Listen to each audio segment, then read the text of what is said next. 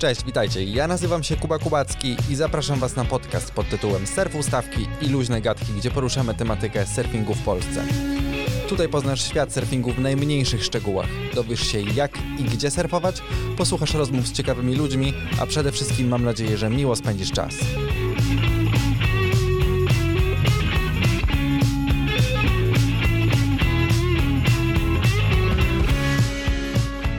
Jeśli po przesłuchaniu tego odcinka stwierdzisz, że ta tematyka jest dla Ciebie, to koniecznie zasubskrybuj ten podcast, żeby być na bieżąco z kolejnymi odcinkami. Zapraszam Cię również do naszej grupy na Facebooku o tej samej nazwie co ten podcast, żeby podyskutować z innymi pasjonatami tego fantastycznego sportu.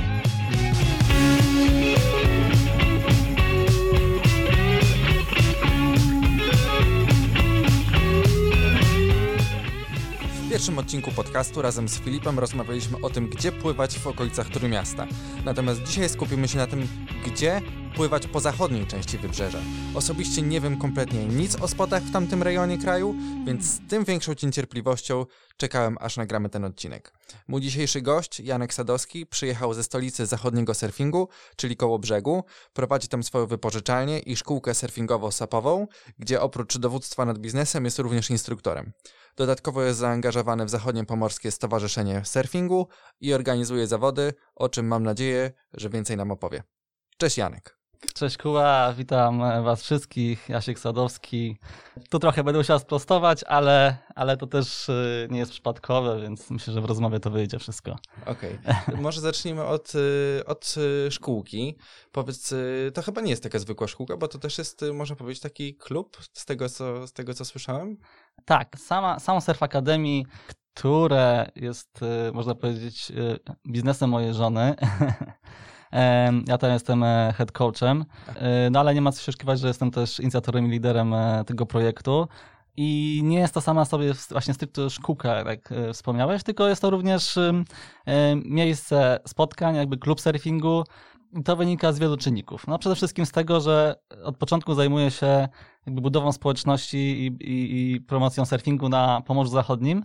No i zawsze potrzebny jest ten lider, jakby to, to miejsce, które jakby tą historię buduje. Czy ona przetrwa, czy nie przetrwa, no to y, są czynniki zależne i niezależne od nas. Y, natomiast y, jedno jest fajne, że praktycznie można powiedzieć, że już misja, misja promocji surfingu i rozwoju kultury takiej oddolnej została zrobiona właśnie między innymi dzięki temu, że zainwestowaliśmy w miejsce stacjonarne, całoroczne, budynek, gdzie mamy jakby miejsce do mm, przebierania się, szafki, mhm. łazienkę, to wszystko jest ogrzewane, E, miejsce spotkań, gdzie, gdzie często w sezonie właśnie noc trwa krótko, a surfing trwa długo i, no i krótko śpimy, e, dużo pływamy, ale to wszystko też wynika z tego, że ta społeczność jakby po pływaniu zawsze zostajemy e, i się łączymy. To zawsze też powodowało to, że na, na spocie poznawaliśmy od razu osoby, które przyjeżdżały z zewnątrz i to mhm. nie chodzi o jakby o styl pływania, o ubiór i tak dalej, tylko chodzi o to, że ta społeczność nie jest tak ogromna, nie jest to powiedzmy Karkawolosz w Lizbonie, gdzie ludzi jest mnóstwo, e, kiedy jest warun, tylko ta społeczność to jest kilkadziesiąt osób e, maksymalnie, czyli każdy, kto przychodzi na spot, mieliśmy taką, taki zwyczaj, że się ze wszystkim witał. I jak ktoś był na spocie i się nie witał, no to już wiedzieliśmy, że jest z zewnątrz. Ale to jakby nic niczego, to po prostu taka Jasne. specyfika. Okej, okay, a właśnie powiedziałeś, że jest całoroczne i faktycznie to cały rok działa, jest w stanie się, że tak powiem, utrzymać, bo jednak wynajem lokalu coś tam mm. kosztuje. I to tak jest na tyle dużo osób i chętnych, żeby też pływać zimą, żeby, żeby to miało ręce i nogi? Czy... No to też chodzimy w tematy biznesowe, e, na które do końca nie mogę się wypowiadać. Okay. nie chciałbym. Natomiast mm, czy w Polsce ma to szansę istnienia? No ogólnie biznes surfingowy w Polsce jest mm -hmm. dosyć odważnym biznesem, tak. bym powiedział, szczególnie tak. w obecnych czasach. Co do opłacalności, no Kołobrzeg jest dosyć drogim miejscem, jest to kurort i ma swoją specyfikę i utrzymanie miejsca blisko plaży E, nie ma co szkiwać, e, jest dosyć ciężkie. Mhm. Szczególnie, że jakby otoczka biznesowa nie jest tak przyjemna jak w dużych miastach i nie jest tak ułatwiająca no jak w dużych miastach. Więc y, należy sobie zdawać sprawę, dlatego wspomniałem o tym, że niezależnie od tego, czy się to miejsce utrzyma, czy nie, mm-hmm. w jakiej formie, jakiejś formie jeszcze ten klub, y, sam klub surfingu, może nie sam biznes, ale sam klub surfingu, no nie tylko w sercach, ale również mm-hmm. fizycznie będzie istniał. Mm, No i ym, całorocznie, no tak, funkcjonuje całorocznie. Oczywiście liczba osób pływających w zimy e, się zmniejsza, natomiast Kołobrzeg ma dosyć specyficzny mikroklimat. Tam jest, y, można powiedzieć, tak ym, ogólniając, w lato jest, y, w lato piździ, w zimę jest przyjemnie i łagodnie, tak? Aha. Czyli wpływ morza jest bardzo duży i w lato rzadko są upały. Oczywiście ostatnie lata pokazują, że zmiany klimatu są mocno odczuwalne. No i tak jak dwa lata temu było lato, gdzie przez y, y, dwa tygodnie woda miała 24 stopnie i to było przeżycie, które do końca życia na pewno e, będę w sobie miał i, i wiele osób będzie miało, że o godzinie 23 w shortach, klapkach y, wych- wychodziliśmy z surfingu, dziewczyny w bikini i a ciężko było w to uwierzyć. Do dzisiaj jakby tak, tak, odczuwamy to, że to jest jakby, jakby to był sen, Mhm. E, ale tak było. E, Natomiast e, biorąc pod uwagę relacje ludzi, czyli na przykład ratowników, którzy od tam wielu sezonów na tych plażach e, od młodego dziecka, którzy do, do starszej osoby funkcjonują, żaden z nich nie pamiętał taki, takiego okresu, że Mhm. przez dwa tygodnie woda była tak bardzo ciepła. No i to jest charakterystyka Kołobrzegu, tak? E, e, Są też inne spoty na Pomorzu Zachodnim, nie zapominajmy o nich, natomiast jest to stolica surfingowa i nie ma co się że e, Kołobrzeg i okolica są to najlepsze spoty w, na Pomorzu Mhm. Zachodnim. Okej, ale to je- jeszcze, jeszcze do jakby opisu spotu wrócimy. Ja kiedyś y, miałem taki pomysł y, y, zaczerpnięty trochę z, y, z branży motoryzacyjnej, y, właśnie a propos klubu, że mm, chyba Krzysz, Krzysztof Hołowczyc otworzył coś takiego, taki klub, w którym możesz się do niego zapisać i korzystać y, z samochodów klubowych. Czy myślałeś coś takiego, żeby zrobić y, tylko, przełożyć to na, na branżę surfingową, że jest y, jakiś tam opłata członkowska, Mhm. ktoś tam wnosi jakieś tam ewentualnie swoją deskę, żeby nie opłacać i każdy może z tych desek korzystać? Coś takiego działa u was, czy... Tak, jak najbardziej. To jest jakby naturalny proces, jeden z elementów, który w klubie funkcjonuje, czyli mamy w klubie e, Surf Academy, tym komercyjnym, mamy e, takie trzy stopnie. Y, Brązowy, srebrny i złoty. Mhm. I zależnie od wielkości opłaty miesięcznej, y, człowiek albo tylko korzysta z naszego miejsca, czyli z szafek, z łazienki, z przebieralni, Mhm. jakby z pełnej faktury, czyli tam czajnik z ciepłą wodą, jakieś napoje może sobie zrobić i tak dalej. E, Drugi stopień to jest taki, że dodatkowo może korzystać ze sprzętu, czyli właśnie z desek, y, z pianek w miarę dostępności. Mhm. No i y, ten naj, najwyższy stopień to jest dodatkowo jeszcze ma w tym y, coaching. Czyli może sobie robić progres, jak potrzebuje zrobić progres, a zatrzyma się w jakimś miejscu, Jasne. no to ma możliwość skorzystania z self-coachingu, co każdy gdzieś tam na jakimś etapie na pewno potrzebuje, a jak nie potrzebuje, to i tak to jest przydatne, bo jednak w sportach deskowych nie tylko ważny, ważnym elementem jest to, żeby mieć kogoś, kto z zewnątrz e, zauważy to, co robimy. Są Mhm. sporty indywidualne, więc Tak, tak. Tutaj wskazówka z zewnątrz y, jest bardzo przydatna czasem. Ja sam w swojej karierze surfingowej e, pamiętam właśnie momenty, gdzie zatrzymywałem się i wtedy trafiałem czasem na naprawdę super osoby, dzięki Mhm. którym robiłem progres i szedłem dalej. Jasne. A powiedz, a jakie deski macie? Tylko dla początkujących, czy też coś e, zaawansowanego? Nie, mamy deski na każdy poziom, czyli praktycznie od y, softboardów dla największych byków, takich po 100, kilkadziesiąt kilo, Mhm. 140 kilo, naj, największy facet, który u nas pływał i, i- i sobie jakoś tam radził. Po osoby zaawansowane, czyli mamy shorty, e, shortboardy typowe poliestrowe 6.2 Mhm. e, i, i, i mniejsze 5.0, e, 6.0, przepraszam, i, i różne inne, także każdy coś znajdzie dla siebie. I, i fish, i, funboard, i, i longboard, i, e, i minimo, także tych desek, deski są jakby tak dobrane, żeby każdy coś znalazł dla siebie. Fajnie, bo też można potestować, nie? Przed, Tak. przed zakupem, że Tak. y, po, popróbować różne rozmiary. Chyba jesteście jedynym takim miejscem w Polsce, przynajmniej którym słyszałem, że faktycznie ma, ma do wyboru te cały, cały przekrój desek, nie? Że, że zanim sobie kupimy, albo w ogóle nie trzeba kupować, jeżeli ktoś jest z koło brzegu, no to, to, to, to jest- jest to fajna opcja, nie? Tak, na, pewno jest to fajna opcja. e, No, przed zakupem to jest, e, wydaje mi się, tak jak Adam wspominał, to jest rzecz, którą chyba powinniśmy zrobić, tak naprawdę. Nie każda osoba lubi każdy rodzaj deski i nie każdy rodzaj deski jest na każdą falę, Mhm. oprócz tych idealnych na Bałtyk oczywiście. tak. To jest, to jest y, wyjątkowy rodzaj deski. Myślę, że tutaj y, polskie firmy mają szansę, czy Glina, czy Baltica mają szansę stworzyć deskę idealną na Bałtyk, taki złoty graal. E, I, i, i, I wtedy będziemy o tym mogli mówić. Natomiast no, tych desek jest mnóstwo, mnóstwo jest warunków, mnóstwo jest osób, y, każdy ma swoją charakterystykę. E, Są osoby, znam osoby, które super pływają, jedni z najlepszych w Polsce, natomiast na longboardzie w ogóle nie ogarniają. Nie, nie, nie lubią tego, nie czują i... i No właśnie, bo ty y, pływasz też na longboardach i chyba y, tak dość długo, nie? Tak, no jakby y, ja pływam na każdym rodzaju desce. No również na surfoilu pływam, e, na supie, na supie startowałem też w Mhm. zawodach, w wyścigach. Także praktycznie wszystko, co pływa, lubię sobie testować, lubię też na tym pływać, lubię to poznawać. Mhm. Jakby staram się nie oceniać deski czy sprzętu przed tym, zanim tego popływam. Oczywiście czerpiąc z innych doświadczeń można jakieś tam wnioski wyciągać, natomiast bardzo lubię testować samemu. Przed, przed tym jak ocenię e, i z doświadczenia wiem, że każda deska ma jakąś tam charakterystykę, czyli na przykład e, czy ogon, czy, czy właśnie krawędzie, czy e, kształt deski, kanałowanie, wszystko jest tak istotne, że shaper projektując ją, projektując ją teoretycznie powinien mieć jakiś zamysł i jakby ten zamysł to jest cała filozofia deski. To myślę, że chłopaki więcej o tym opowiedzą, e, ale to na przykład po latach zaczynam odczuwać, tak, tą filozofię deski, że ktoś projektując Tak. deskę ma jakąś filozofię obecnie. I bardzo lubię sobie czasem e, wyjść na longboarda, e, takim klasyczny styl chodzenia po nosie, Mhm. różnych innych ewolucji. I jest to coś, myślę, taka esencja surfingu, taka klasyczna. To jest jakby mm, to, na czym surfing jakby powstał, na czym wyrósł. I, nie przypadkowo, tak, i nie przypadkowo. Mhm. Y, Czy uważasz, że na pewno masz, ma- masz duże doświadczenie w pływaniu w, w, w całej Polsce? Czy uważasz, że po zachodniej stronie, właśnie w koło brzegu, częściej trafiają się fale niż, y, niż na przykład w chałupach?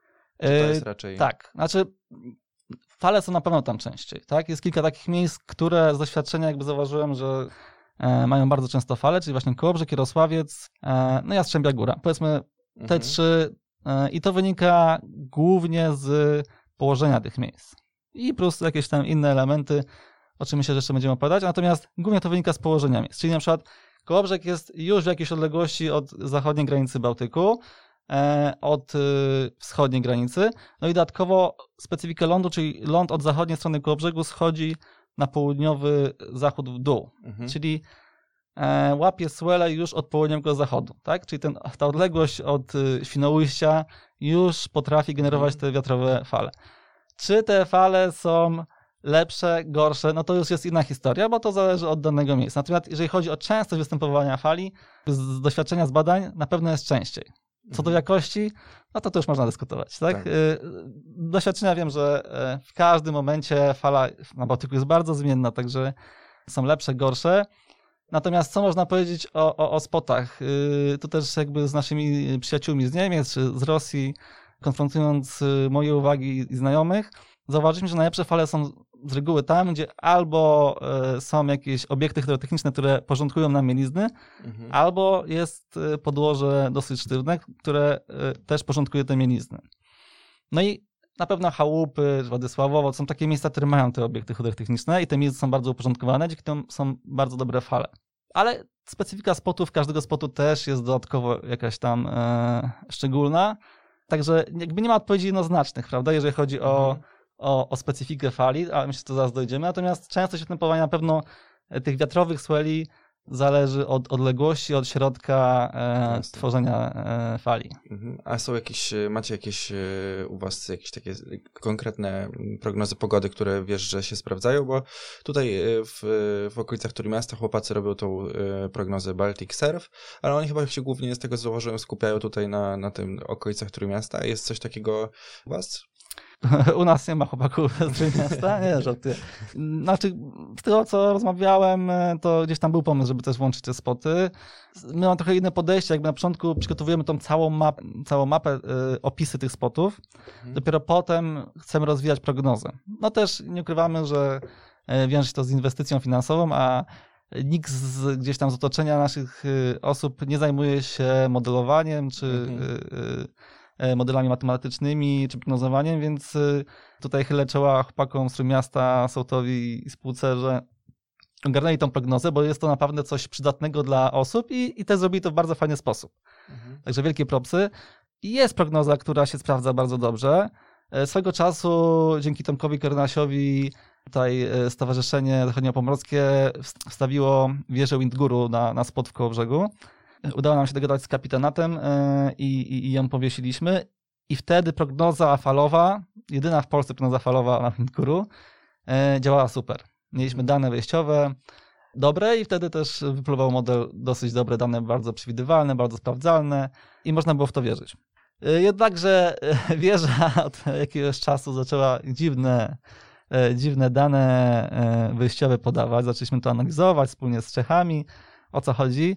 No nie mogliśmy dojść do czego o o co chodzi. Zapowiedzieliśmy, że internet, że y, jakieś problemy są z, z wirnikiem i tak dalej, i tak dalej.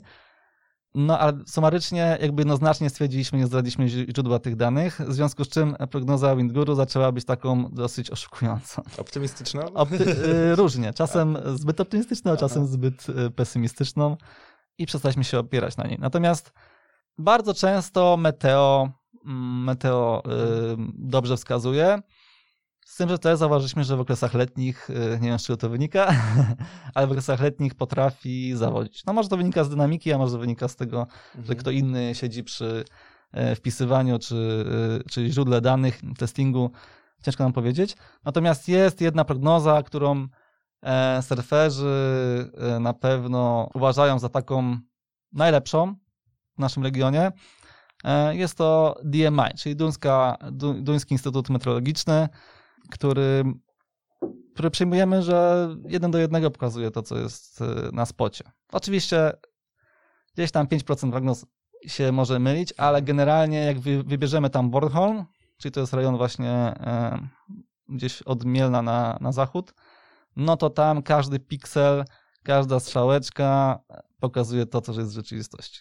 Okej, czyli... Natomiast trzeba pamiętać, że e, trzeba też umieć interpretować prognozy. Że to, co pokazuje prognoza, to nie jest jakiś, to nie, nie jest słowo proboszcza czy premiera, które trzeba e, brać na 100%. Nie, to oczywiście żartuję. Proszę nie brać tych rzeczy na 100%. Natomiast no, interpretacja to jest, interpretacja też wynik- wynika z doświadczenia, z pewnych popra- poprawek loka, lokalnej wiedzy. Daje nam wtedy wynik, który jest jeden do jednego. Przeszliśmy pomalutku y, do, do tematu mm, spotów. Może zacznijmy od koło brzegu. Spot, który znasz najlepiej. Gdzie tam pływać? Więc tak, no jak zaczynamy od Kołobrzegu, to zacznijmy od tego, że Kołobrzeg to jest y, nadmorskie miasteczko. E, Ono jest dosyć ro- rozległe wzdłuż wy- wybrzeża. Jest takie jest, y, ma swoją specyfikę i zasadniczo najlepsze spoty skupiają się właśnie między wejściem do portu, czyli falochronem portowym, a rafą. Czyli niekoniecznie molo, ale nawet za molo jeszcze kawałek y, są najlepsze spoty. E, W okolicy też są różne spoty inne, ale może skupmy się na początku na tym Tam, rejonie. tam jest wasza szkółka. Tak, tam, Tam jest nasza, Mhm. nasza szkółka, dokładnie w tym miejscu. I jest to miejsce dosyć specyficzne. Y, Jest dosyć urokliwe, bo mamy właśnie e, latarnię morską, taką piękną z cegły. Y, Jest też y, molo dosyć długie, betonowe, wyremontowane niedawno. No i też są dwa falochrony w tym rejonie. Natomiast na wschód od molo mamy kawałek y, przestrzeni i potem są e, przez kilka kilometrów są właśnie ostrogi drewniane, czyli te paliki. Mhm. I dodatkowo jest kamienista rafa wysypana e, przez człowieka parę lat temu, gdzie kiedyś wchodziły mocne, e, mocne bomby, tam był dobry kocioł. E, legendarny kołobrzeski surfer kajakowy Andrzej, e, który jedyny chyba w Polsce wpływa na, na, na kajakach e, surfingowych, które sam mu ściągałem z Wielkiej Brytanii z dużymi bullami za miliony monet. E, Mhm. To jest pasjonat, to jest naprawdę pasjonat e, surfingu, nie to co my, czy, czy nawet kijek. To jest gościu, który już od kilkudziesięciu lat surfuje na kajakach w Polskim Morzu, wtedy kiedy jeszcze to było zakazane, czyli w latach 80. Mhm. również już morzu pływał. I, i, I on pływał jeszcze w momencie y, wschodniej części mola, kiedy nie było tam e, tych em, raf. Teraz już są rafy, więc to nas trochę ogranicza. Czyli od raf y, w kierunku portu mamy, mamy kilka spotów, tak naprawdę kilka spotów, dlatego to trzeba jakby łączyć oddzielnie od, od Mhm. reszty. E, No i zacznijmy od e, strony latarni, czyli strony portu. Najbliżej falochronu a on się znajduje w odległości kilkudziesięciu e, metrów, kilku, nawet ze 100 metrów może być od brzegu. Cały ten rejon wyjścia z portu, bo tam rzeka dopływa Parcenta, ona wyrzuca piasek. I cały ten rejon przed portem jest taką e, płaską, e, płytką dosyć, dosyć rejon, płytkim dosyć rejonem. Dzięki czemu, tak jak e, na Gold Coast, na Snapper jest, jest depozycja piasku i mamy jakby cały czas zapewnioną ilość piasku na milizny, tak samo Mhm. tam jest podobnie. Można tak w skrócie powiedzieć, że mamy e, e, piasek z, z rzeki cały czas dostarczany, dzięki czemu są tworzone milizny. Ale też ten, ten rejon jest płaski. W związku z czym ten spot zajmuje się kawa- kawałek od brzegu i ten spot głównie działa przy w swelach zachodnich wiatrowych. Tak, mamy osłonięcie.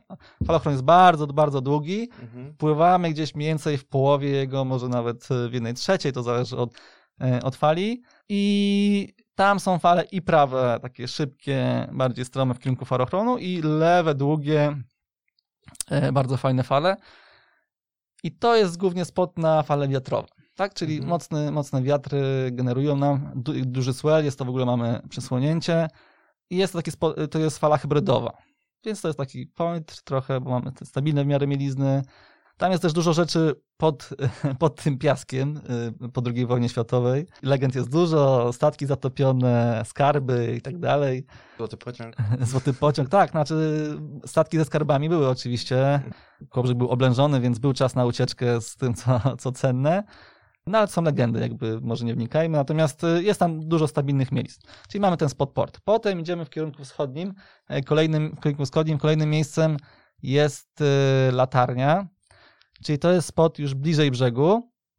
I on działa również przy tych zachodnich, zachodnich północno-zachodnich y, swellach. Wszystko zależy od wielkości i jeszcze od kilku czynników, między innymi od ym, poziomu morza. To jest bardzo istotne w Kołobrzegu, ponieważ plaża tam jest dosyć specyficzna. Tak jak nad oceanem mamy plaże takie bardziej płaskie, no w Kołobrzegu gdzieś podobnie jest. Tak, bo ta plaża jest dosyć mocno zurbanizowana, więc ta plaża jest dosyć płaska. Czyli wystarczy, że woda się troszeczkę podniesie i w tym momencie pół metra powyżej średniego poziomu cała plaża praktycznie jest prawie pod wodą. Co powoduje, że wtedy już spoty zupełnie inaczej działają. Mhm. I wiele osób pływając nie bierze tego pod uwagę, tego poziomu, natomiast to też wpływa na, na jakość fali i w ogóle, w ogóle na pływanie. Ten parametr warto sprawdzać, bo im niższy poziom a, i jak falowanie mamy od morza i jest niższy poziom, tym fala jest lepsza. Czyli spoty są kawałek dalej, ale, ale y, ta względna wysokość fali jest większa. I ten spot, zależnie od tego, jaki jest ten poziom, działa różnie. Czasem jest tak, że jak wchodzi czysty swell z, y, z północy, tam są bardzo dobre milizny, sztywne, e, bliżej brzegu i są bardzo fajne, takie beach breakowe fale. Nawet czasem takie A-frame'y fajne. Mhm. Potem kolejnym spotem jest słynny i chyba jeden z najlepszych spotów y, na Pomorzu Zachodnim, jeżeli najlepszy, e, Palik Point. Palik Point, czyli mamy bardzo długi falochron, który zasadniczo przede wszystkim działa przy zachodnich swellach. I teraz y, czemu on dobrze działa? Działa z kilku powodów. Pierwsze, mam ten długi falochron, tak w chałupach, tylko że troszeczkę dłuższy.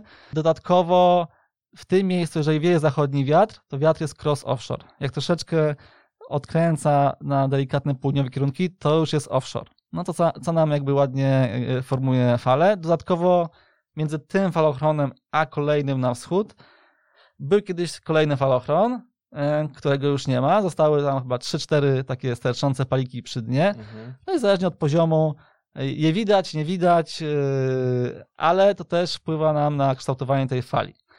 E, Dodatkowo ze 3 lata temu jeszcze był na środku taki sterczący metalowy pal. Mhm. Stalowy pal sterczący na środku, więc jak się płynęło na fali, trzeba było Trzeba go było ominąć. Wiedzieć, że jest. Znaczy on był widoczny, bo on wystawał okej. z wody, więc y, trzeba było go omijać, bo akurat fala się samowała w tym rejonie. Mhm. Natomiast y, chyba to było dwa lata temu przy takich bardzo niskich y, stanach, kiedy dużo y, mocno z południa wiało i można było z buta dojść A. pod sam koniec falochronu. Tak, plaża była ogromna, był bardzo niski stan. E, Wtedy udało się Woprowi lokalnemu, w ogóle pozdrawiamy chłopaków, bo współpracujemy z nimi, wziąć i wyciąć to, żeby nie stwarzało zagrożenia. Super. No super, naprawdę to była jedna z lepszych rzeczy, którą zrobili. I też to wpłynęło bardzo mocno na falę. Czyli Palik Point, dlaczego się nazywa Palik Point? No nie tylko, że jest palik, nie tylko, że e, fala tam się zamuje, ale to jest typowy point break. E, Na Pomorzu Zachodnim mieszka jeden koleś z e, Afryki Południowej, Archie, którego serdecznie pozdrawiam. No i Archie kiedyś wchodząc z wody powiedział, że to jest JP, JP, tylko w drugą stronę. No wiadomo, że dawno nie pływał pewnie na ale jest to jakaś namiastka. Jest to taki typowy point break, czyli fala, która jest bardzo równa, bardzo dobra na progres. No i zależnie od y, falowania, czy to jest wiatrowe, czy czysty swell, od wielkości, on potrafi działać od takiego bardzo łagodnego, właśnie longboardowego, długiego, niestromego, bardzo przyjemnego, na, na którym można dużo zrobić y, do takiej fali, po naprawdę strome, fajne, progresywne, ze stromymi sekcjami, długie e, pociągi. No to jest y, taki jeden z moich ulubionych spotów y, w Polsce, kiedy dobrze działa, bo wtedy przypomina ocean Mhm. bardzo równe fale point breakowe. Yy, idziemy dalej. Dalej mamy tą flagę, czyli ta sekcję wewnętrzną, tak naprawdę Palik Pointa, która przy południowo-zachodnim e, falowaniu też potrafi wydać e, całkiem dobre fale, no ale tu już musi być wiele czynników spełnionych. E, Wszystko zależy też od ułożenia mielizn. Ale to zaraz e, powiem, jak przejdę do, do mola. No i idziemy dalej. Mamy kolejny falochron. I na tym falochronie bliżej mola jest palik point, jakby odbicie lustrzane w drugą stronę, jeżeli słole są z północnego wschodu, ale warunkiem, żeby tam była dobra fala prawa, jest to, że przez dłuższy okres musi być, muszą być wschodnie, wschodnie wiatrowe e, swele, które po prostu powodują e, utworzenie mielizny, takiej równej, ładnej mielizny. Czyli jakby znów mamy ten element porządkujący paliki, e, które nam porządkują mieliznę. No i kolejny jest jeden z moich ulubionych spotów, może dlatego, że jestem regularsem, czyli prawa przy molo. Molo, prawa fala. Dlaczego jest fajna? Bo znów jest to taka fala point breakowa. Tam mamy taką równą mieliznę i przy dobrych warunkach, przy słolach wielkości 1,5 metra, 2 metry, tam łapiemy fale, które można dopłynąć do samego brzegu. Po, po Mhm. skosie jest to jedna z najdłuższych fal e, w koło brzegu i, i pewnie też w Polsce. Tylko trzeba połączyć sekcje. Znów jest to point break sekcyjny. Czyli mamy momenty bardziej strome, troszkę gas, gasnące, potem znów strome, potem znów gasnące, więc trzeba umiejętnie e, się tym poruszać. Natomiast gdy się skończy, tą jedną sekcję można wrócić z plotem na spot i jest e, fajnie. Na tym spocie też jesteśmy troszkę osłonięci od wiatrów. W związku z czym swele te wschodnie, północno-wschodnie, e, wiatrowe, też tam można bardzo fajnie popływać. Trzeba pamiętać tylko jedną rzecz, że molo jakby na końcu jest taka głowica, taki płaski placek betonowy, ona nas osłania. Natomiast wyjście, wychodzimy przy, y, przy molo betonowym, czyli na takich podporach betonowych, no i pomiędzy nimi jest kilka, y, czy może nawet kilkanaście metrów przerwy. I wyobraźmy sobie, że jest napychana e, woda, fale, energia z północnego wschodu, Czyli napychamy, mamy wodę napychaną z jednej i z drugiej strony. W związku z czym ona sobie musi ujść, więc uchodzi sobie pod, y, pod tymi podporami. Mhm. No i z reguły przy czwartej, czwa, trzeciej, czwartej podporze e, mamy rzekę, czyli taki boczny prąd, mocny, Mhm. który też formuje nam mieliznę oczywiście, ale z drugiej strony też trzeba go przepłynąć umiejętnie, więc trzeba tam się trochę namęczyć. Więc to przy takich wiatrowych solach nie jest to miejsce dla początkujących na pewno i ten prąd jest dosyć mocny i ściąga na falochron kolejny. Jasne. A da się tam jakoś. Pewnie nie powinienem tego mówić, że pomolo sobie iść do końca. Nie, nie, nie. tam- Jest regulamin przejścia na molo, który jasno mówi, że zakaz skoków do wody. Kiedyś zrobić taką akcję, żeby pokazać, że nie można, Mhm. tak? Z- Zrobiliśmy zdjęcia, żeby pokazać, że tak się nie robi jednorazowo. E, Natomiast Tam jest też płytko, nie? Czasami. Jak się skoczy z, Tak. z mola, to... Znaczy, generalnie z mola, e, jakby ktoś się potknął, to nie polecam się potknąć mm, na tej ścieżce, czyli na tym jakby kładce, na tych podporach. Jeżeli ma się potknąć, to na głowicy, bo tam już jest głęboko. Mhm. Natomiast no, te wahania wody bywają różne. W, w tamtym roku, tak, w 2018 różnica między początkiem grudnia a początkiem stycznia 2019 roku w poziomie wody była prawie 2,5 metra. No to jest różnica. To jest różnica. To właśnie na początku grudnia można było sobie z buta dojść do końca mola po piaseczku, Mhm. a na początku stycznia cała plaża była pod wodą i, i generalnie linia wody w porcie równa się linia brzegu. Mhm. E, były alarmy wszystkie i tak dalej, i tak dalej. Więc te wahania są dosyć różne. Generalnie nie skaczemy do wody nigdy, bo nie wiemy, co jest pod spodem. No dokładnie. Tak? Także przestrzegamy wszystkich, nie róbcie tego. Tak. Przestrzegam wszystkich, nie róbcie tego. Szczególnie, że to się nie opłaca, bo można, ta odległość nie jest duża. To nie, to nie jest ocean, Mhm. to nie jest, to nie jest jakiś wielki akwen, gdzie e, e, ta odległość jest jakaś hiper duża. Jeżeli nie jesteśmy w stanie dopłynąć z brzegu na, na line-up, no to, to trzeba się zastanowić, czy w Czy ogóle... surfing jest dla nas. Czy surfing jest znaczny, powinniśmy potrenować przedtem trochę swojej kondycji, bo na morzu jest taka podstawowa zasada, że zawsze zakładamy najcza- najczarniejszy scenariusz. Czyli jeżeli wypływamy, co jest też zdradzieckie dla surferów, że jeszcze jedna fala, jeszcze jedna fala, nie, to, to ta już ostatnia i trzy Mhm. godziny potem dalej siedzimy. Wiadomo, że wszystkie te substancje, które w nas wybuchają i cała przyjemność, cała to jest esencja surfingu, ale pamiętajmy, że trzeba zawsze cenić swoje umiejętności e, na to, co jest w wodzie, a to, to jest żywioł, on jest bardzo zmienny.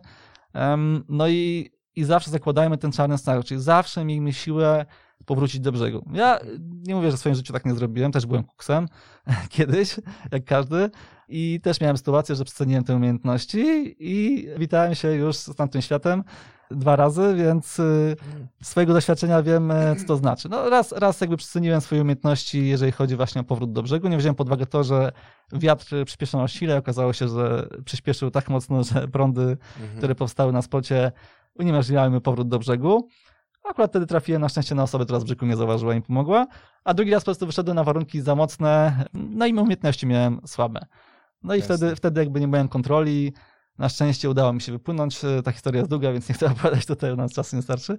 Ale zapraszam kiedyś do klubu surfingu sobie przy jakimś napoju, posiedzimy i pogadamy nie tylko o tym.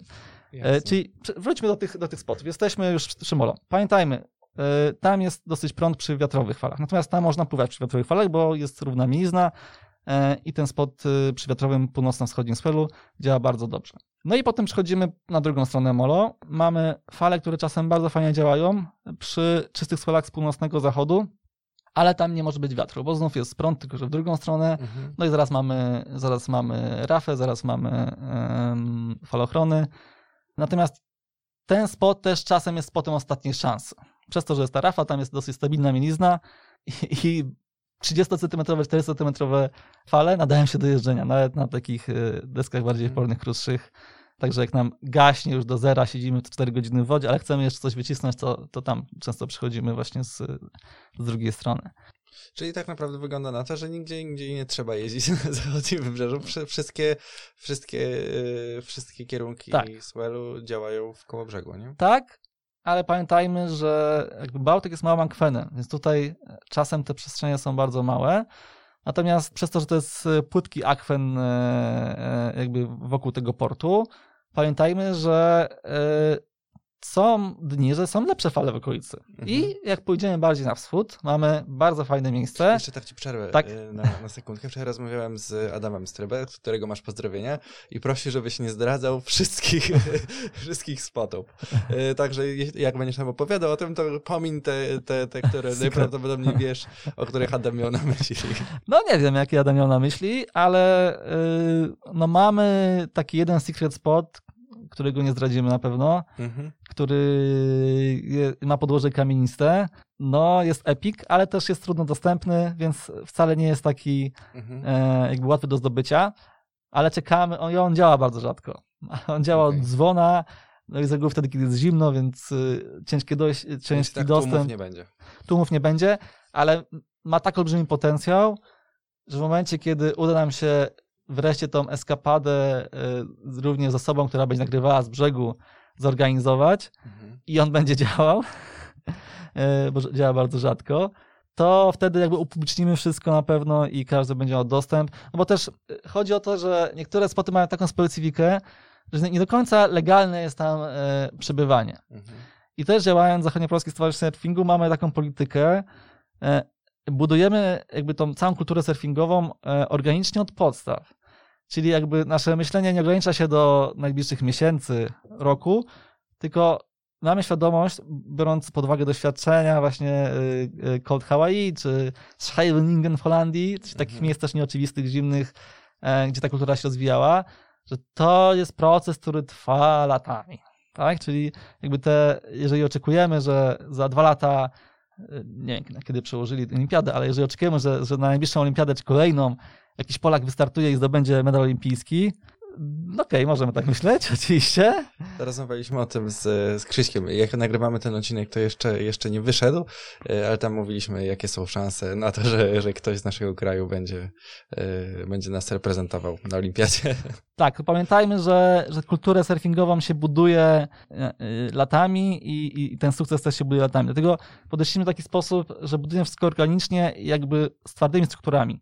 To, co się potem będzie działo, to będzie jak naturalny rozwój i ewolucja tego, natomiast chcemy, żeby e, nie było to robione dziko. Mhm. Robione dziko na huzarza, Polaka z szabelką i walącego w czołgi. E, A, a niestety w Polsce jest tak, że dużo betonu jest do kruszenia i jakby działanie stowarzyszenia się do tego ogranicza, że walimy głową w mur, aż, y, aż głowa pęknie albo mur pęknie. E, No i czasem jest tak, czasem jest tak. Niestety y, beton w Polsce jest dosyć mocny, dobry beton. I muszę powiedzieć, że to jest ciężka praca i nie każdemu starcza sił. Ale wracając do tych spotów. No nie zdradzimy tego secret spotu jeszcze, kiedyś przyjdzie czas. Natomiast idziemy od koło brzegu na wschód. Mamy ustronie morskie. Bardzo fajne miejsce. Fala bardzo przypomina tam w chałupach. Yy, Jest dosyć stroma. No i przy południowo-zachodnich yy, właśnie falowaniach, kiedy w koło brzegu, jakby swell jest za mały, żeby w koło brzegu wejść, lub jakieś czynniki inne spowodowały to, że ta, ta plama rozkołysu nie dotarła. Ustronie morskie jest nachylone bardziej y, pod kątem w kierunku zachodu, więc ta fala tam mocniej wchodzi. I tam są bardzo fajne, mocne fale, y, szybkie, strome, no i też bliżej brzegu. I też Mhm. mamy falochrony, łatw, łatwe wyjście. Nawet chyba są te falochrony krótsze niż w chałupach, ale bardzo fajne, progresywne e, fale. Więc dla kogoś, kto pływa na krótkiej desce i na przykład w będą za płaskie, pojedźmy do Ustronia, sprawdźmy jak tam to działa. Tam naprawdę potrafią być fale y, bardzo fajne na short, shortboardy. No i znów tych bramek mamy trochę, więc nawet jak ta jedna bramka z tą rurą betonową pod y, wodą nie, nie działa dobrze, jest takie Mhm. miejsce, to pójdźmy na kolejną bramkę, na kolejną, kolejną. Tam też są stabilne, fala też powinna być podobna, więc też dużo, dużo miejsca. I oczywiście musimy pamiętać, że te wszystkie spoty w lato to są kąpieliska, więc na kąpieliskach, e, a szczególnie kąpielisko miejskie w koło brzegu, są określone regulaminy. Myślę, że w Stopocie jest podobnie. Tak? Czyli ta odległość wpływania od obiektów hydrotechnicznych. Tak. E, Nawet ktoś e, chyba rok temu albo dwa lata temu dostał mandat od Straży Miejskiej, jak pływał zimą e, za blisko mola. Tak. No tak. W Także sensie, trzeba uważać.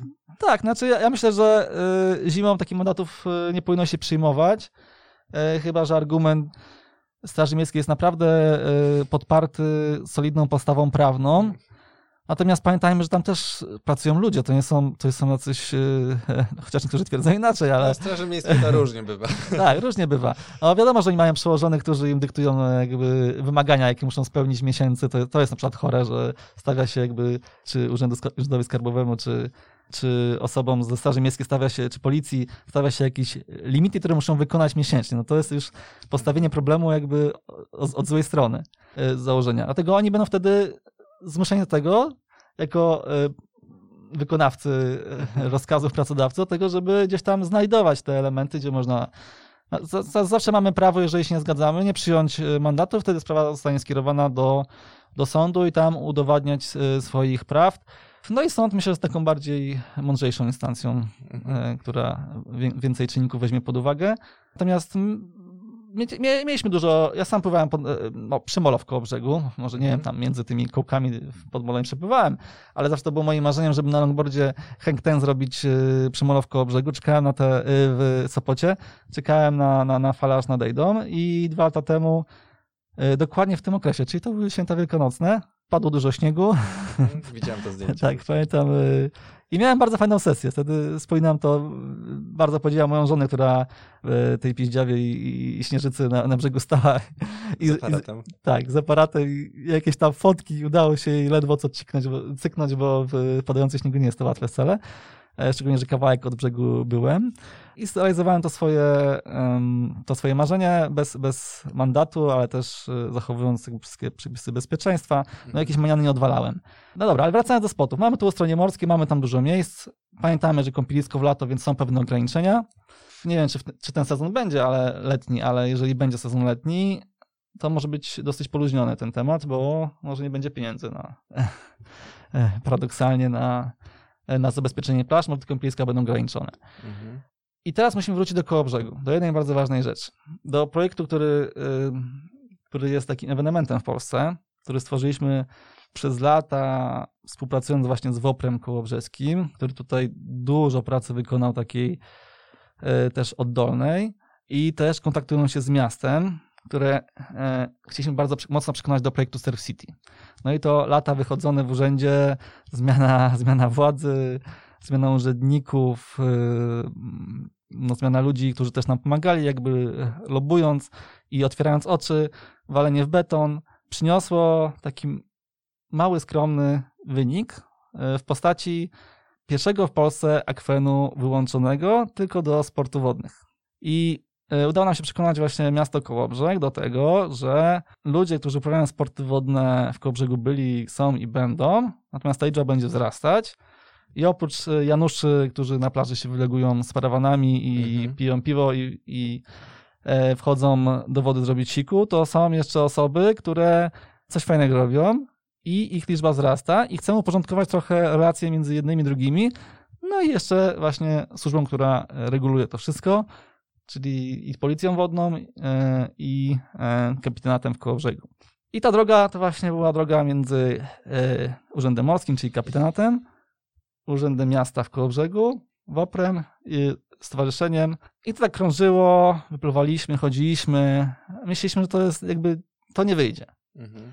No ale w tamtym roku, ku naszemu zdziwieniu, udało się wszystko klepnąć. Udało się klepnąć i przy wejściu na plażę był regulamin akwenu, były bojki, które y, od strony morza i od strony kąpieliska wydzielały ten akwen i w środku sezonu mieliśmy część dla sportów wodnych, część do kąpieli e, Mhm. kąpieliska i jakby mieliśmy akwen wyłączony do sportu wodnych. No coś niesamowitego. Super, no. Ciężko w to uwierzyć. Oczywiście jak to wynika z egzekucją i, i realizacją tego, no to już y, powiedzmy są początki, nazwijmy to, więc y, nie było to idealne. Natomiast jakoś tam funkcjonowało. Zdarzało się, że było falowanie i osoby wchodziły, tłumaczyliśmy, że tam jest regulamin i tak dalej. Mhm. I o dziwo, Janusze, y, nie Janusze, ludzie byli bardzo rozumiali opuszczali akwen Super. tak, i to fajnie działało. Gdzieś tam przyszłościowo, docelowo z miastem chcieliśmy ten rejon zwiększać. Wraz ze wzrostem zainteresowania właśnie sportami wodnymi, czyli nie tylko surfingiem, ale też i, i yy, kiteboardingiem, i windsurfingiem, windwave'em, i foilboardingiem, i żeglarstwem. Także tych sportów jakby wszystkie łączymy Mhm. e, łączymy w jedną rodzinę i nawet foilem, też tam w regulaminie foil jest zapisane. Tych e, sportów jest dużo. Jak miasto do tego dalej pójdzie, no to zobaczymy. Natomiast e, myślę, że dotychczasowe, e, dotychczasowe działania powodowały to, że rzeczywiście to się sprawdziło. Nie, nie było problemów. Jakby przyszłość tego myślę, że jest e, rozwojowa. Myślę, że jest rozwojowa. Zobaczymy, czy dalej będą e, chętni do, do współpracy. No bo to są różne czynniki niezależne od, od nas. Czyli właśnie tym zajmuje się, zajmują się stowarzyszenia, nie? Żeby właśnie takie rzeczy y, załatwiać.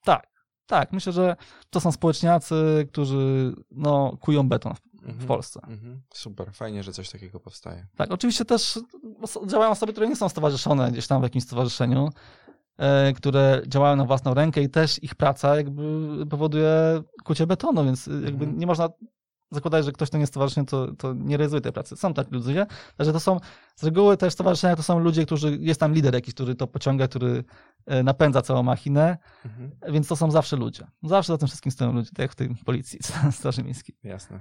Dobra, to co? Wracając do... Do spotów. y, do spotów. Tak.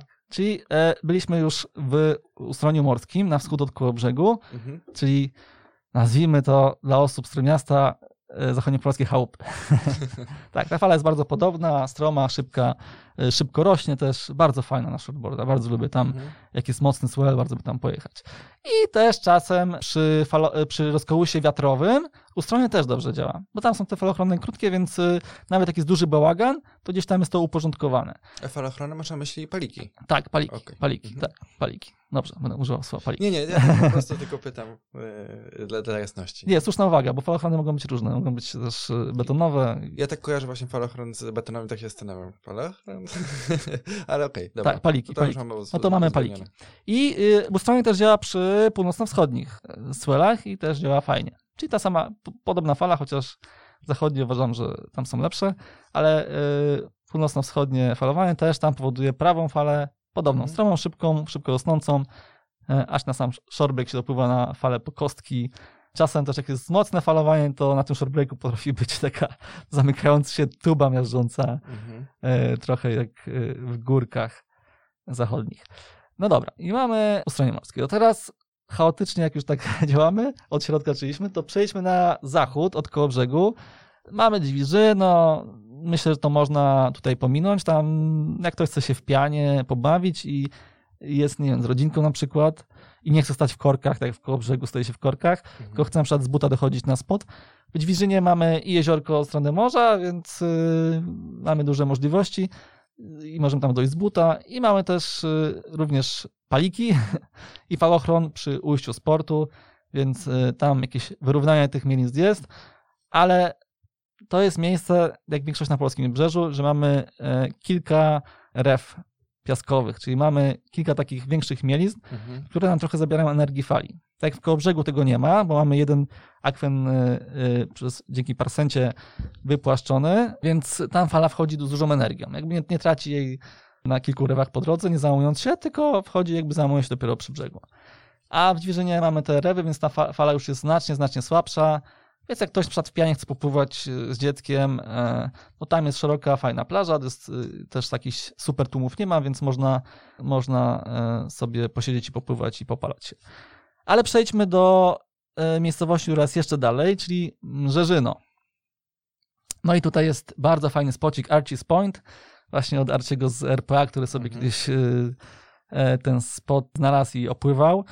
E, Dlatego, że bardzo mocno przypomina e, na zdjęciach jego e, home spot z RPA. Mhm. I tam mamy znów falochron portowy, właśnie z kamieniami, z trójblokami, który osłania nas od wschodnich wiatrów. Tam jest bardzo stabilna mielizna, tym, że zależy od tego, jak pogłębiają port, bo często ten port, wejście do portu się wypłyca i biorą piasek, wyrzucają za falochron właśnie w tamto miejsce.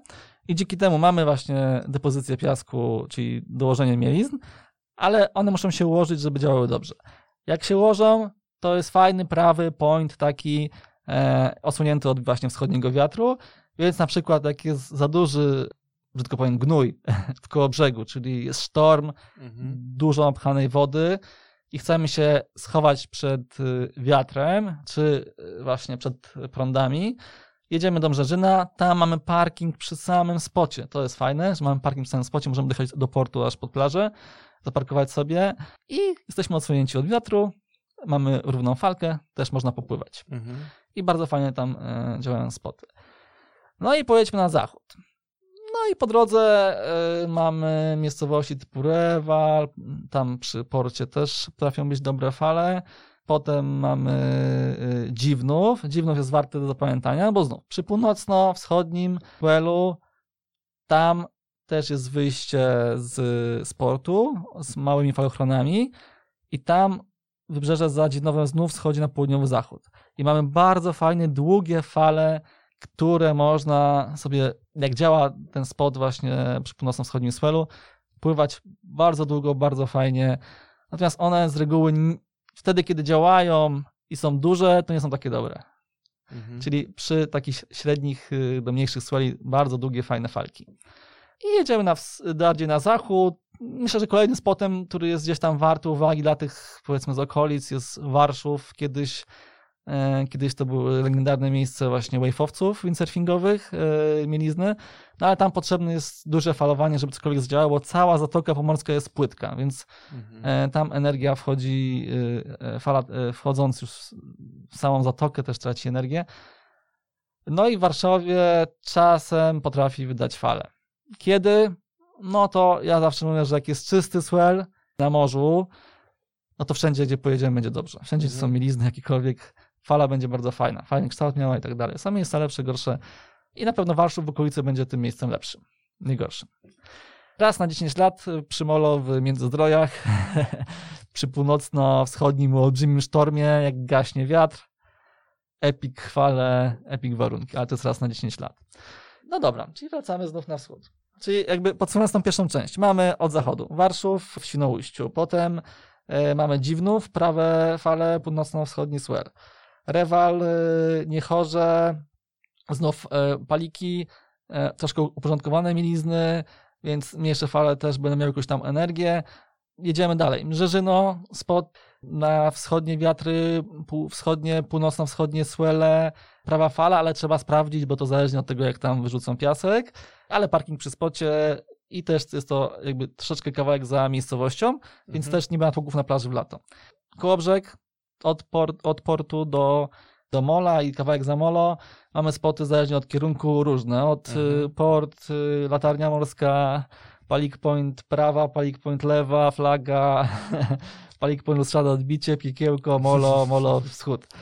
Mamy tych spotów kilka. I potem ustronie morskie y, spoty y, bardzo fajne na południowo-zachodni swell, ale również na północno-wschodni swell.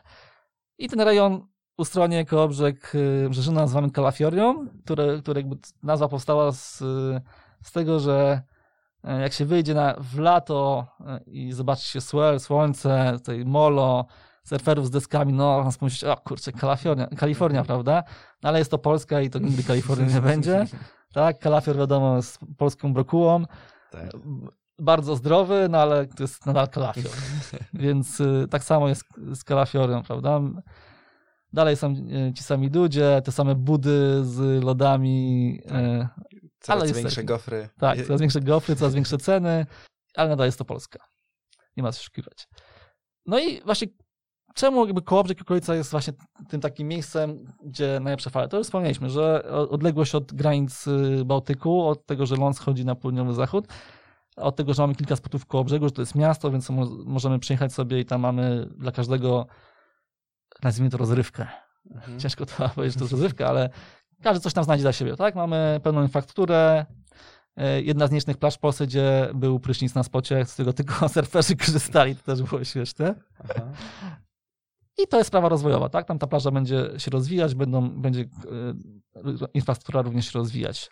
I mamy też spoty komplementarne do Kołobrzegu, czyli właśnie tą stronę morską, która nam uzupełnia, e, uzupełnia kierunki, jak w Kołobrzegu jest za mało, chcemy na szorcie pływać, idziemy do Ustronia, czy Brzeżynu, jak jest gnój, nie mam się gdzie schować, z północy jedziemy do Brzeżyna, możemy się schować. E, Także jakby dużo kierunków nam to obsługuje.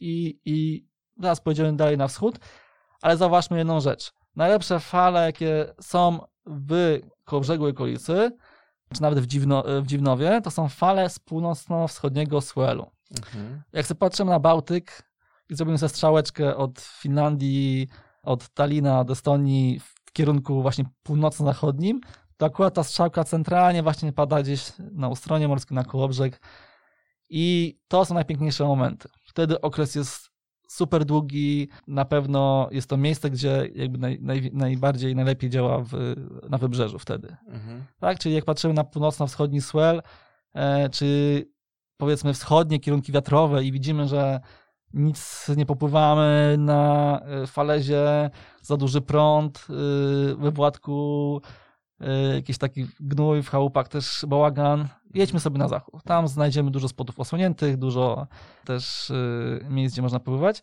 ale niekoniecznie musi być to kołobrzeg, czy e, to już zależy od prognozy Mhm. tak? To trzeba sprawdzać, gdzie ten swell dokładnie trafia, ta plama trafia. Natomiast z doświadczenia, z mieszkania też koło brzegu, ja w ogóle jestem z Warszawy, tak zacznijmy od tego, że ja, ja, nie, ja nie jestem z Pomorza Zachodniego, jestem z. Warszawy i tam od dwóch lat mieszkałem, tylko ze względu na, na falę jakby i, i działalność. Mhm. Żadnych innych względów. Więc pojedźmy sobie tam, tam znajdziemy fajne fale. Ale niekoniecznie musi to być koło brzeg, więc teraz przejdźmy może od tego ustronia e, na, bardziej na wschód. Mhm.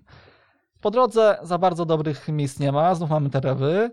Okolice Mielna, Unieście, Channel Islands, tam jest takie ujście z kanału Mielińskiego, z jeziorka i zbudowali taki dziwny betonowy bumerang, który miał chronić y, łodzie wchodzące do tego kanału, ale spowodował to, że y, to ujście się tak wypłyciło, że tam nic nie może wpłynąć. Natomiast ten bumerang powoduje to, że wokół tego bumeranga tworzą się bardzo fajne milizny i czasem dobre fale, właśnie jak jest bałagan i w okolicy jesteśmy w Mielnie, jesteśmy na polskiej Ibizie, Mhm. na imprezie, a powiedzmy już wytrzeźwiliśmy, już odpoczęliśmy i chcemy popływać e, i wieje nam zachodu, weźmy deskę, pójdźmy tego nieśćma, czy pojedźmy na Channel Islands, znaczy to ten Channel Islands nazwaliśmy tak y, z Konrado, z Lokalesem, z Koszalina, trochę śmiechem, E, wiadomo Channel Islands, gdzie są w Kalifornii i, też y, nazwa desek, ale Mhm. jakby ten bumerang jest taką wyspą, która jest niedaleko od brzegu i tam jest ten kanał mielieński, jest tak śmieszne, właśnie Channel, kanał, kanał, haha, że wyspa. I on, on poszukuje miejsca, więc mamy spoty. Jedziemy dalej na wschód i mamy bardzo dobry spot i jakościowo, i też położeniem, czyli Darłowo, Darłówko, y, miejsce też legendarne, tutaj e, Miszka Jabłoński e, z Sopotu, e, United Surf Foundation, pewnie nie, nie kojarzysz tych czasów, nie, nie, to jest prahistoria polskiego surfingu, Mm. kiedy jeszcze internet był, który, który pewnie ten spot zna. Kamil Piotrowski, to pewnie znasz. Też on, nie, nie. To też... Ja jestem dość świeży w surfingu, Aha, ja tak z 3 lata pływam dopiero, a wcześniej No- kite, wind. Dobra, to też jest taki jeden z ludzi, którzy pływał na początku historii polskiego surfingu, jeden z lepszych, tam w tym pierwszych Police Surfing Challenge brał udział, e, który też tam robił wrzuty do neta, więc jak ktoś miał internet, który jakąś tam prędkością działał wtedy e, i znajdował informacje, no to były właśnie informacje tych dwóch osób przede wszystkim. Mhm. E, i no i jeszcze Jurka Kikowskiego. E, I czyli Darłowo mamy spot, który ludzie pływali jeszcze w historii polskiego surfingu i tam znów mamy falochrony portowe, które są dosyć specyficznie odchylone troszeczkę na północny zachód. Dzięki czemu przy północnych y, wiatrowych swellach mamy osłonięcie. I znów, tam się tworzą bardzo fajne mielizny. Ten kanał to też jest ujście e, rzeki. E, mamy bardzo fajne mielizny po stronie zachodniej i osłonięcie od wiatrów. Więc jak szukamy gdzieś tam na tej mapie, takim północnym wiatrowym rozkołysie miejsc, Darłówko zachodnie jest dobre miejsce. Mhm. Tam jest taka bardzo fajna mielizna, to właśnie przy północno-wschodnich swellach, czy północnych bardziej, która powoduje nam bardzo fajną, prawą, długą falę. No i na insadzie też są lewe, krótsze, też takie strome, ale tam też można dobrze popływać. E, czyli zaznaczamy sobie e, na mapie e, Darłowo, które przy północnych, północno-wschodnich wiatrowych swellach też działa bardzo dobrze.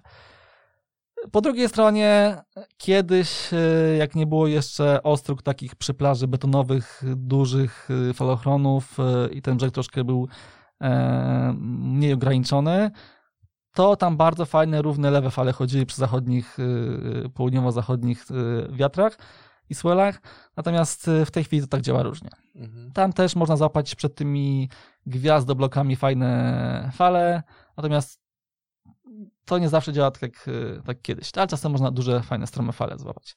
No i idziemy bardziej na wschód, dojeżdżamy do y, jednej, kolejnej z jednej z lepszych miejscówek, czyli Jarosławiec, tak? Słynny Jarosławiec.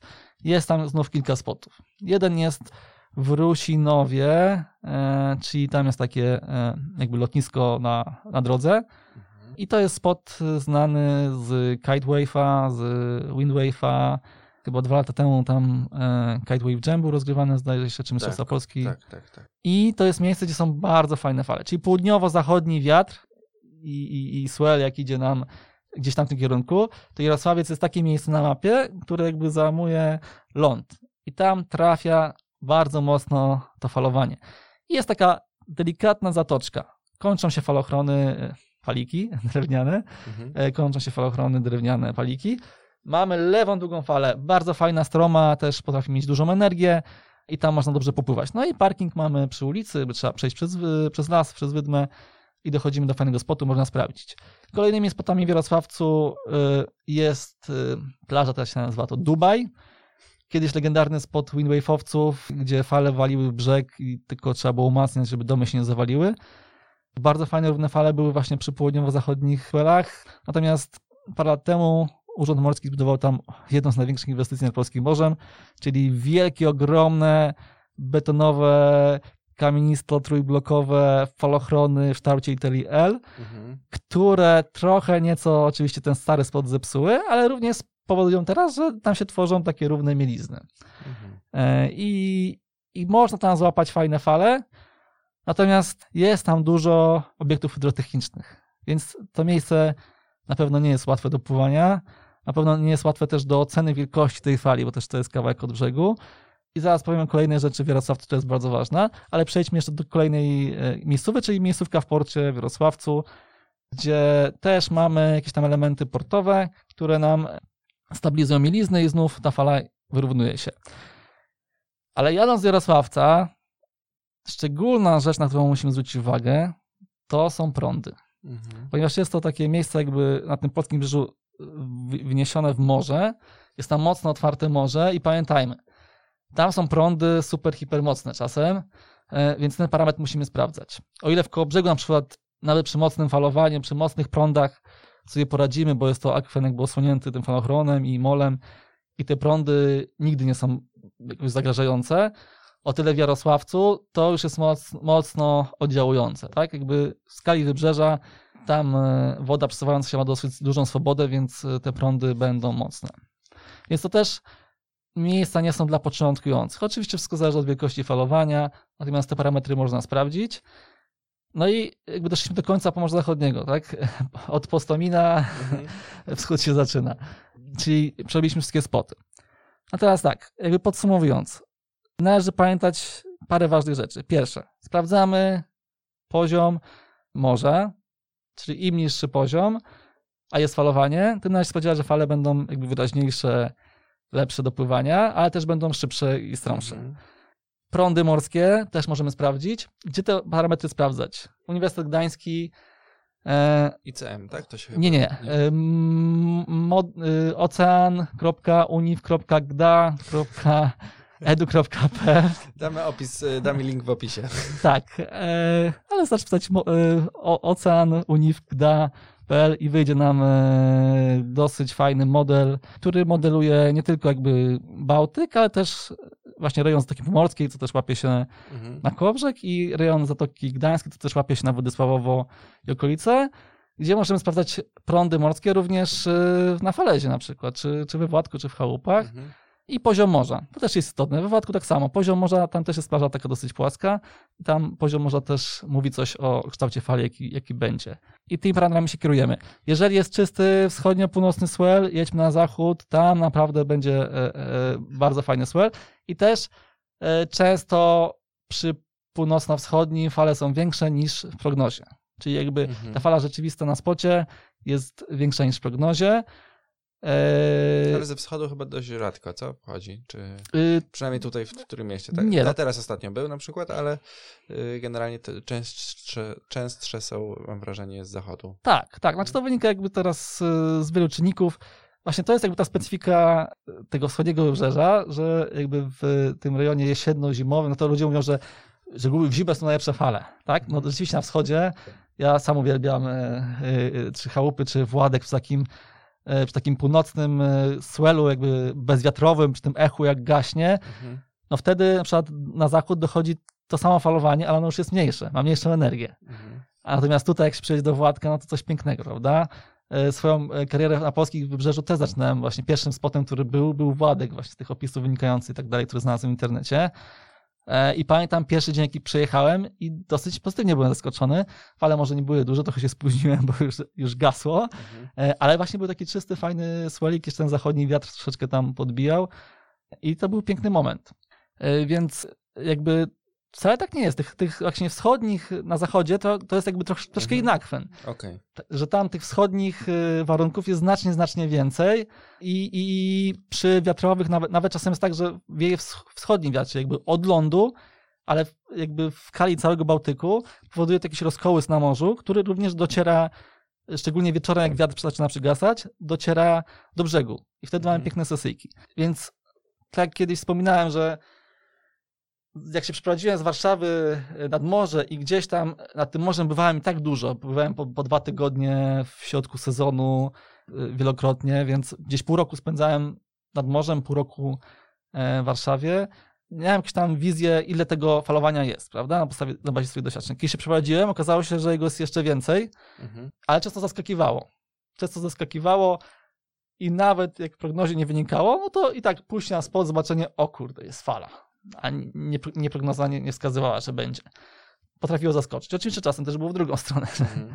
Życie. Tak, życie, życie. No jakby prognozy też mają swój, swój poziom ufności. Więc jeżeli ktoś myśli na przykład o przeprowadzce nad morze, no to wiadomo, że miasta, miejsca i tak dalej ma swoje plusy i minusy. Natomiast jeżeli chce, jakby pracuje, nie wiem, zdalnie, niezależnie od miejsca, to myślę, że więcej fal na pewno będzie na zachodzie, w tym środkowej części, czyli właśnie koło brzegu gdzieś tam, e, może ustronie morskie, ale to nie wcale nie znaczy, że te fale będą lepsze. A i tak, i tak w sumie każdy będzie chciał pojechać nad ocean, więc lepiej nie mieszkać tutaj. Tak, e, dokładnie. A, Okej, czyli mamy, mamy mniej więcej e, temat, e, temat spotów załatwiony, a jeszcze zaciekawiła mnie jedna rzecz. Dwa razy wspomniałeś o foilach. Widziałem, że jesteś e, riderem, tak, w, w, firmie, która produkuje e, i dystrybuuje foile. Powiedz w ogóle, czy to ma sens w surfingu i w Polsce? Hmm, czy jest to ciężko, bardzo ciężkie pytanie. W sensie, czy jakby nie można to jed- jednoznacznie odpowiedzieć. Pewnie ludzie się dzielą na tych, co nienawidzą foili i mówią, że nie, że to, to bez sensu, jak można w ogóle na tym pływać, a drudzy mówią, że to jest przyszłość, fajnie i w ogóle. E, I każdy z nich nie ma racji. każdy z nich nie ma racji. Pływałem na różnych foilach, nie tylko jednej marki. Nie wiem, czy mogę powiedzieć. Śmiało, śmiało. Tak, y, pływałem na, na Mozesie y, i pływałem na NSPK-u. I mam jakieś porównanie między tymi modelami, a też mam porównanie jakby jeżeli chodzi o, y, o fale. I pływam zarówno na subfoilu, jak i na zwykłym y, surfowym foilu, czyli że się padluje na, na brzuchu i się startuje. Czy ma to sens? Jest to coś na pewno innego niż krawędziowe pływanie. I chyba trudniejsze też, nie?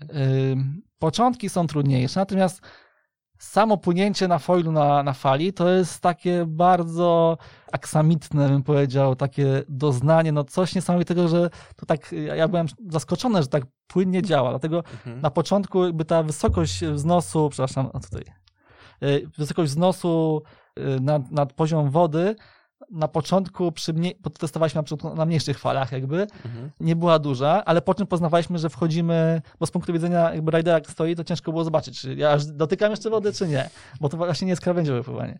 Ale ten moment, kiedy się wszystko takie delikatne i każde delikatne naciśnięcie na krawędź podało delikatne takie płynięcie, no lot taki przyjemny, Mhm. potem poznawaliśmy, że lewitujemy. I sama lewitacja jest super przyjemna, wspaniała. Natomiast z drugiej strony też rozumiem zagrożenia, które, obostrzenia, które są na świecie, zagrożenia idące e, z foilem, bo na przykład właśnie Mozes, który ma bardzo precyzyjne, też drogie, ale bardzo precyzyjne, bardzo mocne e, skrzydła, e, kolumny, dyfuzory. No dyfuzor jak się odkręci, no to wygląda jak kosa pod żebro. To można sobie na brzegu nawet przejechać po ręce i się pociąć. Więc na początku upadki zawsze kończyły się w stronę skrzydła dyfuzora e, i mogą się skończyć kontuzją dosyć poważną. Można sobie e, zrobić e, krzywdę, wbić się, naciąć i tak dalej, i tak dalej. Więc początki na pewno to jest nauka upadania kontroli foila przy upadku, żeby nie upaść w stronę foila. Oczywiście absolutnie na początku nie polecam pływania tam, gdzie są ludzie, Mhm. tylko kontroli, nauki kontroli foila, jak on się zachowuje i tak dalej, czyli warto nie zmieniać modelu. Wziąć jeden model, który e, można opływać. Natomiast jak się nauczymy, to już normalnie na spocie między ludźmi, między ludźmi pływałem. Oczywiście, jak ktoś mi dropował, to darłem się ile mogłem, żeby tego nie robił, bo to z reguły nie ja ponoszę konsekwencje, tylko ta druga osoba. Tak. I jest to, jest to bardzo przyjemne. Bardzo przyjemne, fajne pływanie, natomiast jest to zupełnie co innego niż surfing krawędziowy. Mhm. Tak, mm, nie można porównać. To nigdy nie będzie, moim zdaniem, nigdy nie będzie zastępstwem e, czy zagrożeniem dla surfingu, Mhm. dla tych e, takich e, fanatyków surfingu. Nie bójcie się. Foile was nie przyjadą. Mhm. Ale na pewno jest fajną alternatywą. Przy sportach wiatrowych jest to zupełnie inna kwestia, bo czy właśnie na kajcie, czy na windzie, dzięki temu mamy więcej pływań, prawda? Przy mniejszych Tak. wiatrach potrafimy odpalić, no to już jest inna kwestia, czy, czy jakby ludzie chcą, ale myślę, że zasadniczo jest podobnie, że trzeba nauczyć się na początku kontroli tego foila. Mhm. Więc osoba, która nie umie pływać e, dobrze na tym sporcie, czy na surfingu na początku, e, nie powinna się brać za foila. Na początku się kontrolować ogólnie deskę na fali, siebie, fale, spoty i tak dalej. Potem możemy sobie brać foila, co jest bardzo przyjemne. Naprawdę jest to super przyjemne, jak się płynie na fali. e, Coś niesamowitego, że się lewituje, się jest 70 cm nad wodą, no to jest przeżycie genialne, ale z drugiej strony też ma swoje zagrożenia. I teraz powiem historię, która jest mo- może historią mojego życia, może y, historią życia tej drugiej osoby. Testowałem sobie właśnie foila już gdzieś tam coś ogarniając. To nie było moje pierwsze pływanie. Godzina dziewiąta, miesiąc to był chyba czerwiec czy jakoś tak, lipiec, początek lipca. Wieczór w koło brzegu, przy molo, fale i testuję sobie e, foila. I był to właśnie foil Mozesacz, taki karbonowy, ostry, e, dosyć fajny projekt. No i tak płynąc na fali, zauważyłem coś, tak jakieś bąbelki się pojawiły pod wodą, coś. Yy, myślałem, kurde, co to jest, ryba, coś. Wywaliłem się, no i płynę, płynę, płynę. Jest wieczór, dwy- 21 godzina, tak szarawo. Mhm. I wyobraź sobie, że dopływam e, w stronę mola, a tam wypływa spod wody gościu z akularach, płetwach i z rurką. Mhm. I ja myślałem na początku, że, że nie wierzę własnym oczom, że to jest jakiś sen, uszczypnij mnie, jak proszę ktoś, bo nie wierzę. I gościu normalnie nurkował sobie o godzinie 9 w Bałtyku. On pewnie myślał to samo, co robi gościu o 9 w Bałtyku, na czymś dziwnym. I jakby nurkował w tym samym miejscu, gdzie ja na tym full latałem, co było bardzo niebezpieczne. No tak. Więc podpłynąłem, przywitałem się, wyjąłem, odwróciłem deskę swoją do góry, pokazałem jak to wygląda, że to zagrożenie jest bardziej dla niego niż dla mnie. Mhm. E, porozmawialiśmy, no i zgodziliśmy się, że podzielimy sobie spot, że on wcale tutaj nie musi pływać, gdzie są najlepsze fale, może popłynąć sobie tam kawałek dalej. W sumie rozsądne z jego strony. Po czym się okazało, że to w ogóle jest mój sąsiad i, się zakumplowaliśmy. E, No ale sytuacja była niesamowita. Kto się po- spodziewa o 9 godzinie w Bałtyku szarym, No tak. e, nurka pod wodą o 9 w Bałtyku. Dokładnie. Miałem też kolegę, który y, jest fascynatem e, wszystkich rybek, y, roślinności i tak dalej. Tak samo nurkował, tylko że po stronie zatoki i uświadomił mi, co ciekawe, że w Bałtyku na zatoce są krewetki. Tak, tak. Y, Na Orłowie na rafie na tak, przykład. tak, tak, tak, tak, więc to też jest, to też jest e, śmieszna rzecz. E, a powiedz jeszcze na koniec zawody. Organizujesz zawody, e, festiwal fal i wiatru, dobrze mówię? Mhm. Powiedz, to jest impreza cykliczna i właśnie w koło brzegu, czy, czy, czy zmieniacie właśnie spoty w zależności od warunków? To znaczy tak, festiwal Fal i Wiatru jest to festiwal, natomiast zawody nazywają się West Coast Battle i może zacznijmy od y, koncepcji festiwalu. No, festiwal jest to oczywiście jakby taki mini festiwal bez dużych ambicji kultury surfingowej Pomorza Zachodniego, tylko czyli jakby miejsce, gdzie spajamy tą społeczność, która gdzieś tam przez klub by się nie przewinęła, gdzieś tam może pływa za granicą, a nie chce pływać na Bałtyku. Są tacy ludzie, e, ludzie z zagranicy też. E, czyli staramy się jakby tych ludzi złączyć w te parę dni. Również osobom niezwiązanym z surfingiem gdzieś tam lokalnym, czy przebywającym w okolicy, czy w ogóle e, jakoś przypadkowo trafiającym, pokazać czym jest e, surfing i też e, różne fajne rzeczy przez te dni zorganizować. Czyli na przykład pokaz filmów, Mhm. różne warsztaty z ciekawymi osobami inspirującymi. I teoretycznie jedna i druga impreza to jest impreza cykliczna. Czyli West Coast Battle, Mistrzostwa Morza Zachodniego w surfingu, to jest coś, co myślę, że jakby będzie istnieć i, i istnieje i będzie istnieć. Festiwal, no zobaczymy, jak to się będzie rozwijać. Jakby też e, wszystko zależy od funduszy. No teraz wiadomo, że przed nami kryzys ekonomiczny, więc y, samego festiwalu może, może nie być, ale zawody będą się odbywać. Idea zawodu jest taka, żeby w przyszłości to były zawody, które będą wyłaniać najlepsze osoby surfujące na Pomorzu Zachodnim, czy jakby kadrę i też w tym cyklu zawodniczym, e, jak już ten Polski Związek Surfingu uda nam się założyć, co też jest e, okazuje się najprostszą rzeczą, gdzie będą e, no, jednym z tych zawodów, które będą dawać punkty i potem klasyfikować te osoby do tego, do reprezentacji Polski i tego złotego medalu na igrzyskach. Tak. tak. Więc to jest impreza cykliczna. Natomiast co jest mniej więcej stałe, to myślę, że data, data e, my mamy okno miesięczne z reguły jest to druga połowa września, końcówka października. No i zawsze celujemy, czyli już dwa razy, celujemy w ten ostatni weekend września. za każdym razem nam się udawało gdzieś tam to zorganizować. No pierwszy raz mieliśmy mały poślizg, bo to wynikało z tego, że każdy gdzieś tam wyjeżdżał i były różne, sezon jeszcze we wrześniu pod koniec trwał w, w najlepsze, Mhm. piękny okres, więc y, ciężko było zorganizować zawody, kiedy jakby wszystko się działo i nie było, nie każdy był zainteresowany tym. A potem była chwila przerwy od, od falowania i ludzie też powyjeżdżali na jakieś kampy i tak dalej, więc ostatni, ostatni weekend tego okna trafiliśmy. W tamtym roku udało nam się trafić akurat daty na sztywno, wtedy kiedy był festiwal. Też y, festiwal był dosyć grubo zrobiony na plaży, ogromny namiot z ogrzewaniem, bardzo fajni goście, e, filmy.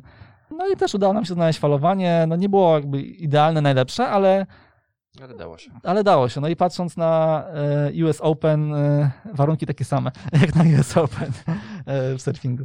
E, Więc e, zapraszam na tą, na tą, jeżeli będzie się w roku, zapraszam, warto rezerwować czas właśnie ostatni weekend września i, i ten miesiąc na, na, na surfing. Dwa lata temu rozpoczęliśmy pokaz filmowy. W ogóle dogadaliśmy się z naszymi przyjaciółmi z Czech i to jest film, który myślę, że warto obejrzeć.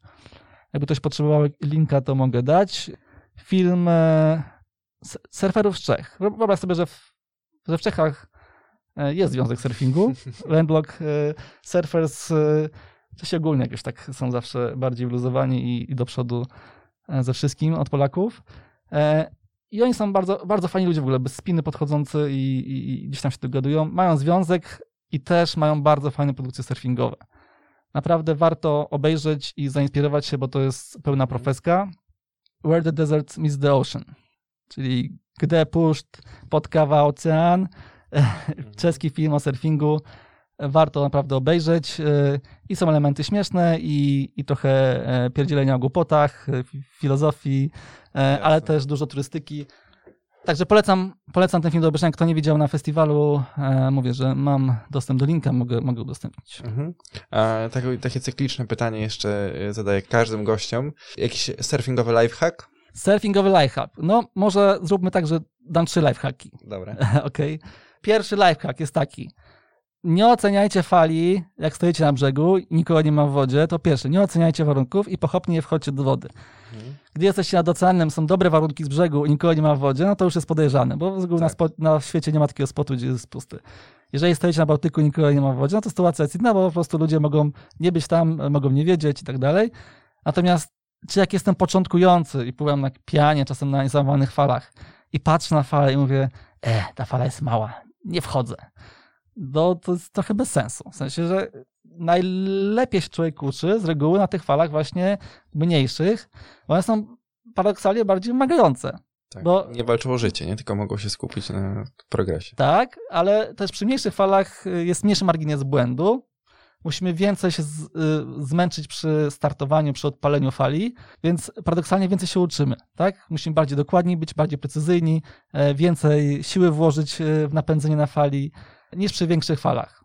Więc często ludzie jakby, no na, nasz mózg jest tak stworzony, że jakby rezerwy energetyczne zachowuje, więc często jesteśmy leniwi i idziemy na skróty i sobie myślimy, nie, nie, nie, te warunki są za słabe, beznadziejne, e, hukowe, nie wchodzę, nie opłaca mi się. A myślę, że podejście powinno być inne właśnie, że warunki są średnie, ale jakie są, nie pływałem dawno, wejdę, skupię się, popływam, zrobię trening i może się nauczę. Oczywiście nie zawsze tak jest, no bo jak będziemy to przez dłuższy czas robić, to łapiemy frustrację, Mhm. będziemy się denerwować, e, ale też dużo się uczymy. Właśnie przy, przy tych mniejszych falach.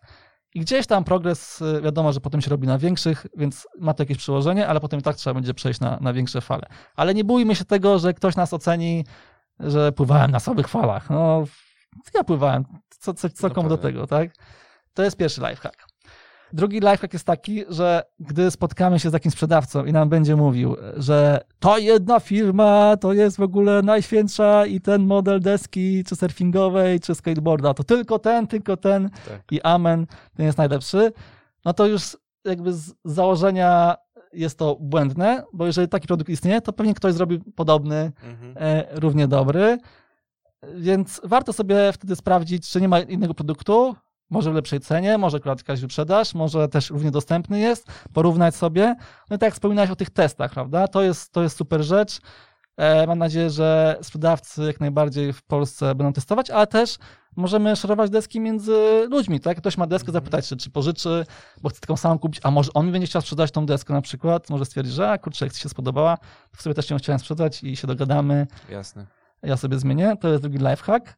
No i trzeci lifehack to jest taki hang loose, nie spinajmy się i, i, i nie kłóćmy ze sobą, szczególnie, że teraz jest ciężki okres, musimy być bardzo wyrozumiali dla siebie i więcej tej wyrozumiałości, mniej oceniania, dużo pomagajmy sobie, doradzajmy.